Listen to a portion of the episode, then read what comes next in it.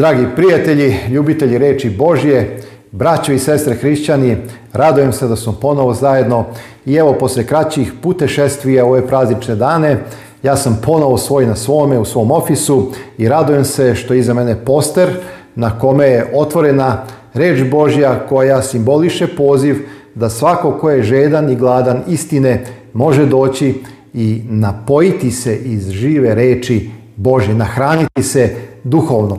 Zato ne smemo odstupiti od izvornog biblijskog teksta, e, moramo se oslanjati na tako kaže gospod i moramo dozvoliti da nas Biblija uči. Ne neki filozof, ne neki e, ljudi, neki mudraci, nego reč Božja koja je nadahnuta duhom e, svetim.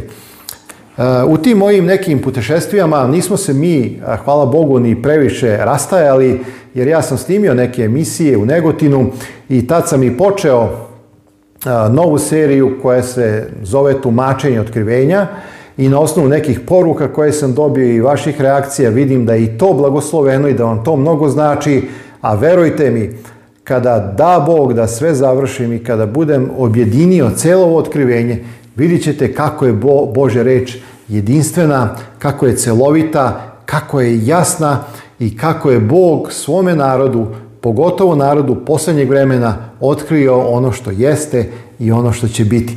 Mnogo je blagoslova ovoj svetoj knjizi. E sada, ono što je definitivno loše jeste što je ova knjiga veliki mučenik jer je doživjela mnoge lažne predstave u istoriji svog postojanja. Svakako u 20. veku Hollywood, kinematografija, filmovi su iskrivili, totalno pogrešno predstavili mnoge termine koji se nalaze u svetoj Bože reči, a i u otkrivenju.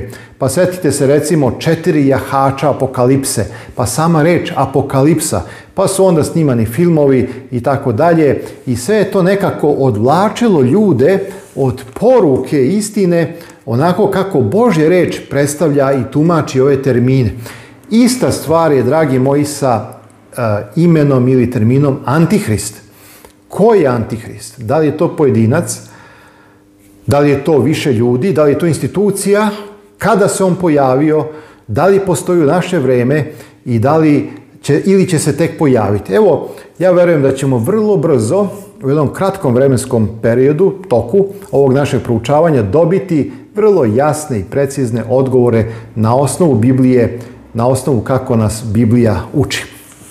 Ja želim samo da vas podsjetim. Da, evo, pre nego što krenemo, moram da, moram. Eh, sreo sam mnoge ljude i zašto snimamo ovu emisiju? Pa zato što nekako između ostalog u tim našim razgovorima smo se dotakli teme o Antihristu, posljednjem vremenu i tako dalje. I eh, zapazio sam ili nekako mi je ostalo u sećanju razgovor s jednim mojim prijateljem koji je želeo da mi predstavi na osnovu njegovog ubeđenja i njegovog verovanja ko je antihrist i kako će on izgledati. Znači on kaže, a pazite, sve ovo uče koren iz Hollywooda, iz nekih filmova.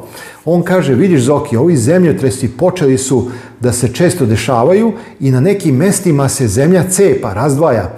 I ja verujem kada udari jedan veliki zemljotres da će zemljena kora da pukne, a onda će se osloboditi antihrist. A ja mu kažem šta veliš, pa čekaj, pa gdje je Antihrist po tebi? Pa kaže, on je dole, to je sam đavo. Kaže, to je vatreno biće. I kaže, kad se on pojavi, on će biti pun vatre, iz njegovih očiju će izlaziti plamenovi. On će imati te rogove, ali neće biti, kaže, biće kao ti ja, nego će biti, u stvari, to je pali anđeo koji je zarobljen negdje u paku. Hu, ja kažem, prijatelji moji, pa dobro, tu ima mnogo mašte, ima mnogo, ha, stvari koje ne piju vodu na osnovu Biblije. Dobro, ti stalno kaže Biblija, Biblija, ali moraš malo imati šire poglede. Pazite, šire poglede. Ja sad treba da prihvatim da je Antihrist neko vatreno biće iz pakla koje će se osloboditi prilikom nekog zemljotresa kada se otvori zemljina kora. Ok, mi smo razgovarali, ja sam pokušao da mu, čitajući ove tekstove koje sad iznosim vama, pokažem šta je pravo razumevanje, shvatanje i kakav je portret Antihrista na osnovu Biblije, ali nekako ovo je ostalo u njegovom umu i on je ubeđen da će Antihrist tek da se pojavi na zemlji i da će početi da vlada ljudima i da će ih zavesti i tako dalje. Dobro?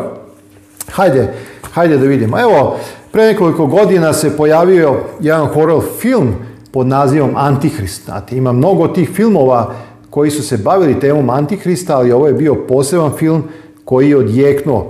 Zatim jedan popularan band je nazvao svoj album Antihrist Superstar. Zatim, oni koji se bave filozofijom i koji su čitali Ničeja, Niče je bio filozof 19. vijeka, koji je između ostalih mnogih dela napisao i delo koje se zove Antihrist. I on je tu predstavio određene elemente svog razumevanja. Zatim, mnogi carevi, kraljevi i vođe su uglavnom neprijatelje svoje nazivali antihristima. Ili recimo Martin Luther, poznati reformator i pokretač reformacije, je nazvao instituciju kao što je Vatikan antihristom i tako dalje i tako dalje. A, pošto se izraz antihrist već dugo koristi kao naziv za mnogo štošta, od moćnih vladara do običnih filmova, sasvim je normalno da se pitamo mi danas ko je Antihrist. Znači, da li mi možemo zaista danas znati tačno, decidno a, je Antihrist i kako ga Biblija opisuje. A, jedini biblijski pisac koji je koristio reč Antihrist bio je apostol Jovan i to nije bilo slučajno. Vidjet ćete malo kasnije zašto. Šta je, šta je apostol Jovan rekao o, o Antihristu. A, hajde recimo da otvorimo reč Božju, da pronađete prvu Jovanovu poslanicu, drugo poglavlje, čitat ćemo od 18. stiha. Pa recimo 19. 22. i tako dalje. Kaže, deco, posljednje vrijeme i kao što čuste da će do... A, samo jedna digresija. Kaže, deco, posljednje vreme. ja sam moj, uh, u stvari ne kanal, nego neke u stvari ovu seriju koju vi gledate nazvao sam Poslednje vremena i onda sam dobio neke digresije i kaže Zorane, ti lupetaš gluposti, posljednja vremena će tek nastati. Kako ti tvrdiš da su sada posljednja vremena? Pa ja kažem, prijatelju moj, još se posljednje vremena se još računaju od apostolskog vremena. Od odlaska Isusa Hrista u carstvo Božje i od delovanja apostola. Apostoli su još govorili u njihovo vrijeme da je posljednje vreme jao, ti ne znaš šta pričaš, gdje to piše, onda kad sam mu ja rekao gdje piše, onda se on više nije javio. Meni je drago što sam ja pokazao gdje piše, ali sam vidio da mnogi ljudi još uvijek ne poznaju dovoljno reč Božju. Znači, evo zapazite, deco, kaže, posljednje vrijeme. Vidite, to je bilo pre 2000 godina. Posljednje vrijeme se računa od Isusa Hrista i od apostola. I kao što čuste da će doći Antihrist, a sada mnogi Antihrist, kao što ste čuli da će doći antihrist jednina, kaže sada mnogi antihristi množina. Znači, interesuje nas sada da li je u pitanju čovjek pojedinac ili je, su u pitanju ljudi kroz određena vremena, određene, određena mesta gdje su delovali i tako dalje. I onda kaže, po tome poznajemo da je posljednji čas. Od nas iziđoše, ali ne biše od nas. Kada bi bili od nas, onda bi ostali s nama, ali da se jave da nisu svi od nas. Znači, jedna ovdje je fantastična istina, vidjet ćete kasnije e, ću to naglasiti, da su ovi koji su se sada nazvali u vrijeme Jovanova antihristima, izašli od učenika, od apostola, od hrišćana koji su u početku verovali u istinu, a onda su kasnije ustali protiv istine i radili protiv nje. Recimo 20, 19. stih kaže, to sam čitao, 22. stih kaže, ko je lažljivac? Evo sada.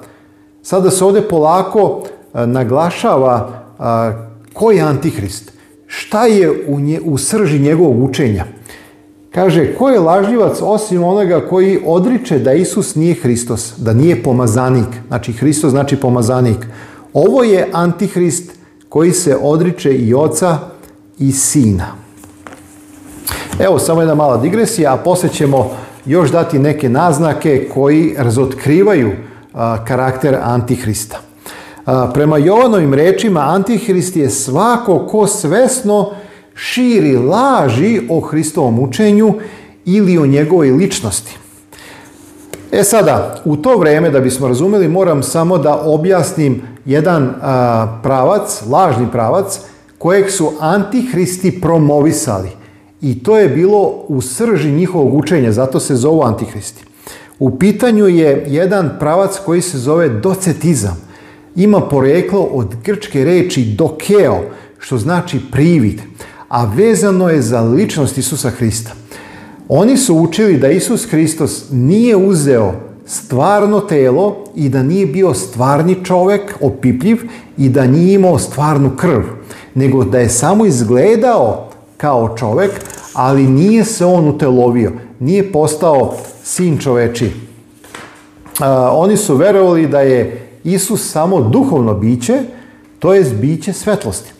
E sada, moramo razumjeti pozadinu. To opet vuče koren iz grčke filozofije zato što su grci verovali da sveti bog, sveti logos, nikada ne može da ima ništa zajedničko sa zemajskom materijom koja je prljava, grešna.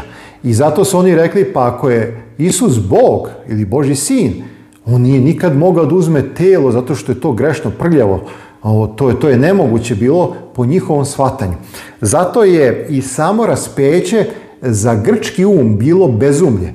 Ako je on večna reč, ako je on logos i ako je on svemoćni bog, pa kako je on dozvolio da ga ljudi razapnu? Znači, za grčki um bezumlje, za jevrijski um sablazan, zato što tamo kaže proklet koji visi na drvetu, a za rimski um je to bila sramota. Pa sećate se, Cicerani je rekao, neka sama pomisao na krst i na raspeće bude daleko od rimskih očiju i od rimskih misli. Vidite kako su određeni e, ljudi pod uticajem određenih filozofija verovanja gledali na, na samo umiranje Isusa Hrista na krstu. Uopšte, dragi moji, to nije bilo jednostavno. I zato a, doketi, doketizam je zastupao stav da Isus nije se utelovio. E sada, Vidite dokle to ide. Ako se Isus nije utelovio i ako nije bio stvarni čovjek, onda nije mogao ni da umre, onda i raspeće nema smisla, jer ako on nije imao telo i krv, onda sama priča o smrti na krstu nema nikakvog značaja. Znači, oni su udarili sa ovom jeres koju su zastupali antihristi, protivnici Hrista, udarili su u dve istina, to su dva stuba na kojim leži hrišćanstvo, utelovljenje Isusa Hrista i njegova smrt na krstu i njegovo vaskrsenje. Zato je Jovan bio onaj koji se protivio antihristima i pokušavao da prvim hrišćanima onog vremena ukaže na opasnosti ove jeresi. A, kaže jedan autor, ovo učenje su zastupali gnostici, doketi, znači gnostici doketi iz apostolskog vremena po kojima je Hristovo telo bilo samo privid, kata to dokein. Uh, I onda je svakako raspeći i smrt na krstu također bio jedan običan privid. E sad vidite e, zašto njih, znači učenike koji su otpali od izvorne vere, zašto njih je on naziva anti hristima, antihristima. Anti znači protiv, protiv Hrista. Zato što su udarali lažnim naukama u same temelje istine o Isusovom dosku na ovaj svet i razlogu njegovog prvog doska, a to je da nam bude primjer u svemu i da na kraju umre na krstu Golgote. Znači njegovo telo se razapinjalo na krst i iz njegovog tela je potekla stvarna krv koja je bila prolivena za oproštenje greha mnogih i tako dalje. Znate već tu teologiju. Šta saznamo iz ovih reči? Jovan pominje mnogi antihriste i iz čega se vidi da se izraz antihrist ne odnosi samo na jednu osobu. To mogu biti ljudi, organizacije koje šire laži, poriču da Isus Mesija, to je Hrist, i pogrešno predstavljaju odnos između Boga i njegovog sina Isusa Hrista. Oni se lažno predstavljaju kao Hristovi zastupnici. I kaže Jovani, izašli su od nas. To znači da su u početku e, bili u istini, da su propovedali pravu istinu, ali u jednom trenutku su skrenuli, u jednom trenutku su bili zatrovani, a onda su i sami počeli da promovišu lažne doktrine.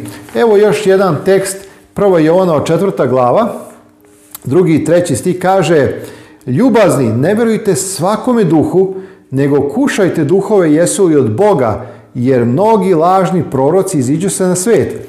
Po ome poznajete duha Božjega i duha lažnog. I sada i on tačno precizira šta je istina, šta je laž. Kaže, svaki duh koji priznaje da je Isus Hristos u telu došao. Vidite, zašto naglašava u telu došao? Pa zbog ove jeresi koju sam malo pre prepričao da je postojala u vreme apostola u vrijeme Jovana koja je trovala vernike po mnogim crkvama. I zato on kaže svaki duh koji priznaje da Isus Hristos u telu došao, od Boga je. A svaki duh koji ne priznaje da Isus Hristos u telu došao nije od Boga i ova je antihristov za kojega čuste da će doći i sada je već na svetu. Znači, čuste Čuli ste da će doći i sada je već na svetu. Šta nam to otkriva, dragi moji? Pa ako je bio tada na svetu, onda je i sada. On je i sada prisutan među nama. U kom smislu? Pa svako ko tvrdi da Isus nije Mesija, svako ko tvrdi da nije, Isus nije uzeo telo i krv i svako ko tvrdi da nije Isus bio stvarni čovjek, on je antihrist. Ako širite dalje ovu priču, Svako ko pogrešno predstavlja Hrista, njegovo učenje i njegov božanski karakter je danas protivnik Hristov, a to znači da je antihrist. A, Isus je upozorio da će lažni proroci doći kao grabljivi vukovi u ovčijem runu. I ovo nikada nemojte zaboraviti. E, najviše problema i najveća opasnost je hrišćanstvu pretila iznutra kroz la, razna lažna učenja. E, nije hrišćanstvo imalo problem sa progonom s polja, jer što ga je svet više progonio, hrišćanstvo je bilo jače i više se širilo. Sjetite se one moje rečenice ako ste gledali proučavanje otkrivenja. Krv hrišćanina je bilo seme hrišćanstva. Što su više pokušavali da istrebe hrišćane, oni su sve više napredovali, jer njihova krv je bilo njihovo seme i hrišćanstvo se širilo. Ali Sotona zna, on je lukav i on vidi da taj sistem nije baš dobar i onda koristi lažne nauke da podrivaju i da odvlače učenike za sobom. Zašto? Zato što zna da će nas istina osloboditi. A to je zapisano u reči Bože. Kaže, poznaćete istinu i istina će vas osloboditi. A ako Sotona uspe da istinu promeni i da od istine napravi laž, onda ćemo, dragi moji, ostati u ropstvu. Onda ne možemo dobiti. Vidite kolika je tu velika opasnost. I zato Jovan naglašava i upozorava na taj veliki problem koji je bio prisutan kao učenje onog vremena i taj problem on naziva antihristima.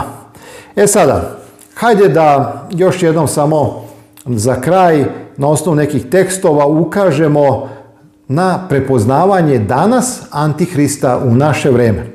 Antihrist nije samo jedna osoba, organizacija ili biće, u Svetom pismu piše da postoje mnogi antihristi, zapravo izraz antihrist poreklom je grčke reči koja znači protiv ili umjesto Hrista.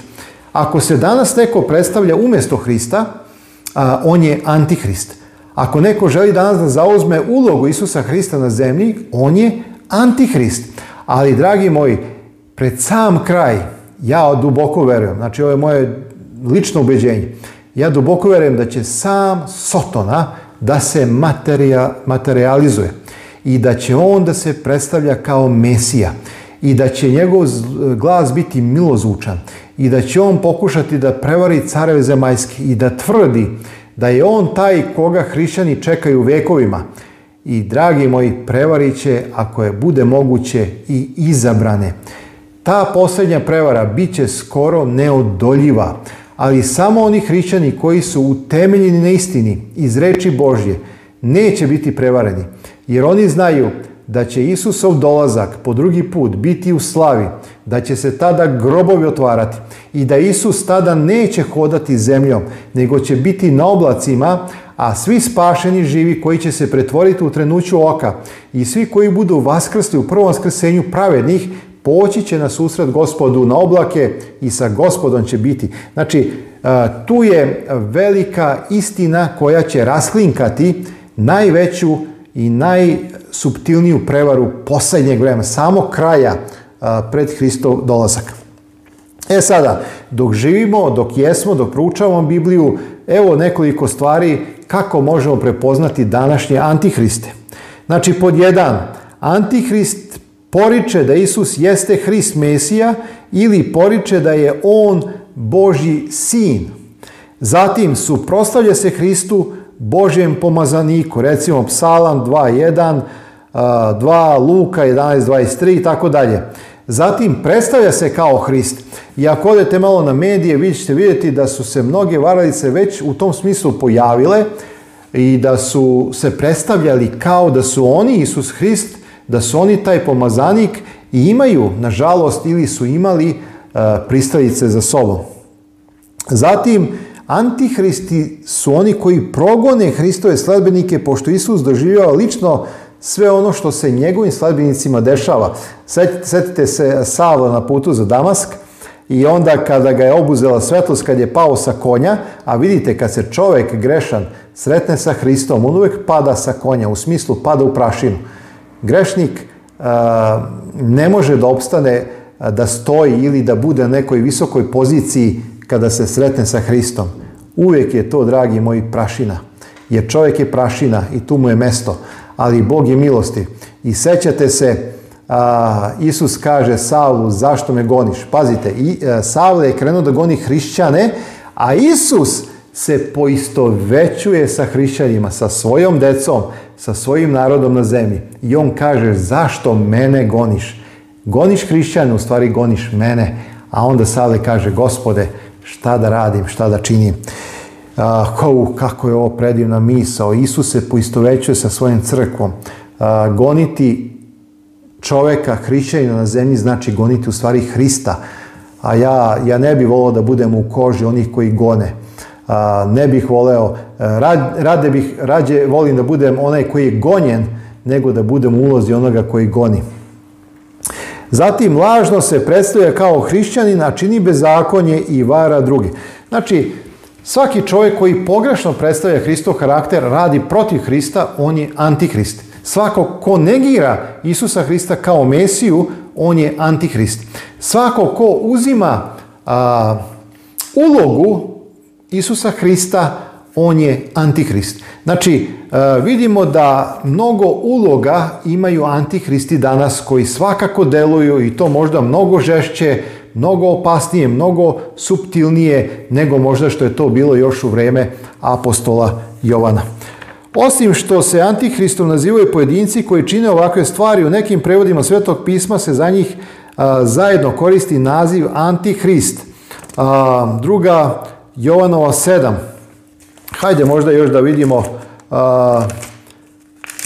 druga poslanica Jovanova, broj 7, stih 7 kaže jer mnoge varalice iziđoše na svet koji ne priznaju Isusa Hrista da je došao u telu.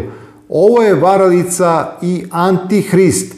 Čuvajte se da ne izgubimo što smo zaradili, nego da primimo platu potpuno koji god prestupa ne stoji u nauci Hristovoj, onaj nema Boga, a koji stoji u nauci Hristovoj, ona ima oca i sina. Zašto Antihrist napada istinu?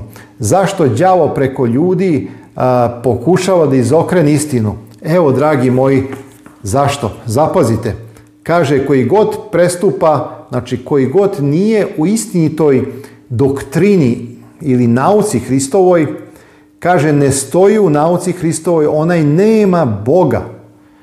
Vidite kako đavo hoće. Pazite, ljudi mogu misliti da imaju Boga, ljudi mogu misliti da imaju spasenje, ali ako imaju pogrešnu i krivu nauku, kaže Jovan, oni nemaju Boga. A koji stoji u nauci Hristovoj, ona ima i oca i sina. I zato uloga Antihrista jeste da to izmeni i da nam oduzme Boga i da nam oduzme Hrista. Evo, dragi moji, da ne bi previše dužio, da se ne bi vi previše zamarali, ja vjerujem da je ovo dovoljno informacije na osnovu svetog pisma, da razumemo biblijsko tumačenje reči antihrist. Znači, i vidjeli smo na osnovu Jovanovog, Jovanovih tekstova šta je antihrist i šta su antihristi učili u ono vrijeme, a i danas koga predstavljaju oni. Svakom dobro želim, vidimo se uskoro u novoj emisiji, neka vas dragi Bog blagoslovi, a ja vas posjećam, ovo je stota emisija u seriji Posljednje vremena. Hvala gospodu za snagu, hvala gospodu za vreme, hvala vama za podršku i neka nas sve dragi Bog blagoslovi da se reč njegova proširi po celome svetu i da ovaj kanal koji je samo jedno malo zrnce peska u celoj toj priči jer se danas propoveda evanđelje po celome svetu bude doprinost mnogima koji traže istinu i koji, želi, koji, koji žele da nađu spasenje u Isusu Hristu. Hajde, evo, imam želju da se na kraju pomolim. Ko želi, može pognuti glave. Oče sveti, hvala ti za reč tvoju, hvala ti za istinu i daj nam duha svetoga i mudrosti e, nebeske, da ne budemo slučajno možda oni koji će biti antihristi, da nismo toga ni svesni, nego da budemo istinita deca tvoja koja stoje u istinitoj tvojoj nauci da bismo imali i sina i oca. Čuvaj nas od laži, čuvaj nas od prevara, oče sveti, a mi se predajemo tvoje moćne i milostive ruke u ime Isusa Hrista. Amin. Svako dobro, vidimo se uskoro.